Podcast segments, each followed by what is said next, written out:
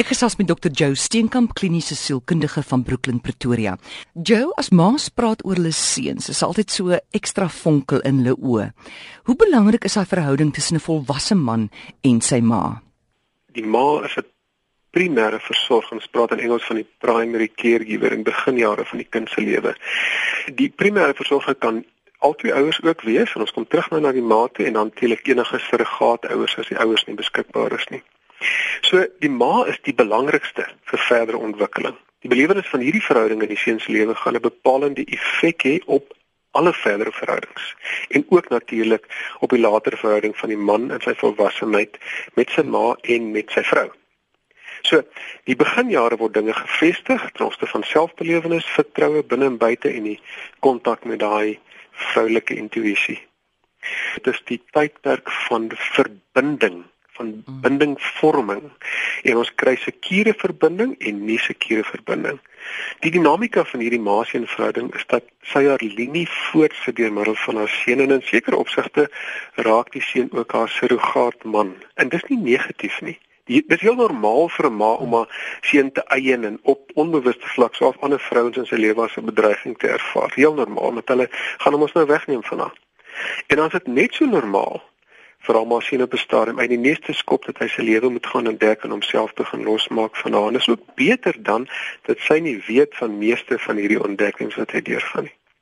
So dis al tyd om terug te staan, sy het haar beurt gehad, sy kan haar belegging vertrou en hom toelaat op sy persoonlike reis te gaan wat onafhanklik van haar is.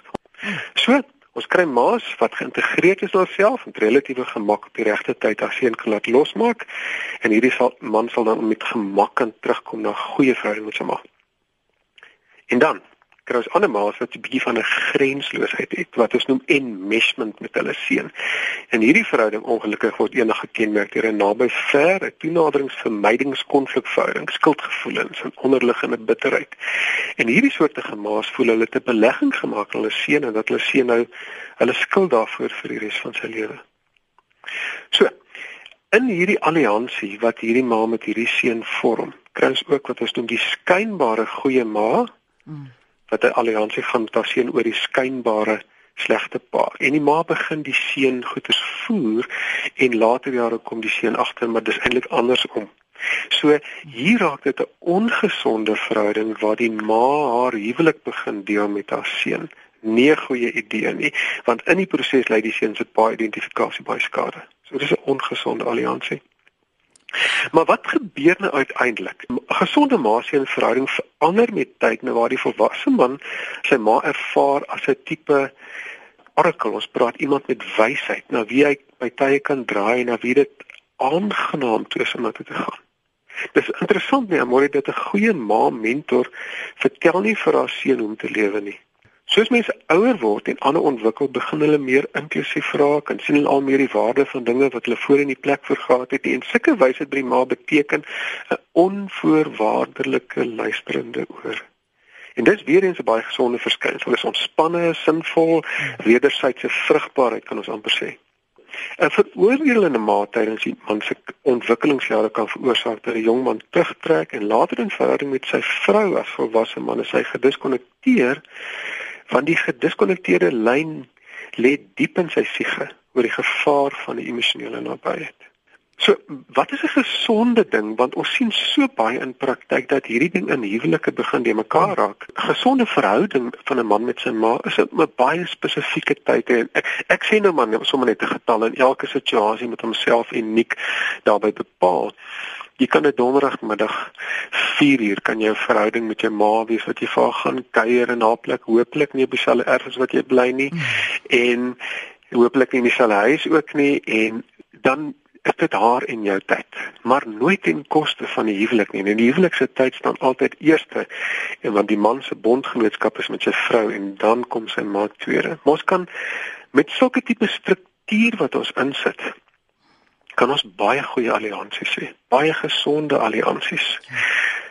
Wat vra net weer vir jou die oorspronklike vraag, hoe belangrik is 'n volwasse man se verhouding met sy ma vorm. Wel, 'n man en sy ma kan vir altyd 'n unieke verhouding handhaaf en 'n regmatige plek in mekaar se lewens en dit kan altyd baie spesiaal bly. En in die toekoms kan 'n ma steeds goeie betrokkeheid hê. Jy weet sommige ma's werk by die man se werk as 'n sekretaris of as 'n boekhouer of hulle pas die kinders vir hulle op en so. En daar's baie goeie verbintenisse daar. Maar nooit te voel sy het meer plek in haar seun se lewe nie. Want die gesonde beeld wat 'n man het van vroulikheid kom hoofsaaklik van sy ma af. En in daai sin sal sy ma dus altyd deel wees van sy lewe.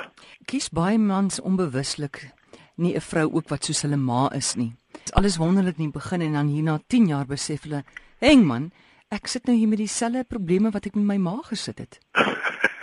ons ons sien dit baie ja. Ons praat van van the compulsion to repeat. Nou wat dit beteken amore is dat wanneer ek konflik het met my ma en is nie uitgesorteer nie, dan gaan ek daai konflik weer soek sodat ek in kontak met dit kan kom en dit uitsorteer. So dit is hoekom ons dit kry dat dit herhaal. Jy kry definitief dat daar elemente van die ma is baie keer in die voorkoms en so aan. Jy weet wat die wat die jong man dan kies om 'n vrou te neem want hy het 'n goeie identifikasie met sy ma. Maar ek wil terugkom na wat jy vra en dit is dat as daar 'n onverwerkte konflik is, dan gaan dit dit weer uitspeel sodat ek in kontak moet kom sodat ek dit kan heel, maar dit voel dan vir my as my vrou dit aan my doen. Ek hmm. besef dan nie dat ek hierdie ding so orkestreer dat ek besig is om in myself in te kyk nie. So gesels Dr. Joe Steenkamp en jy kan hom kontak by www.jos.co.za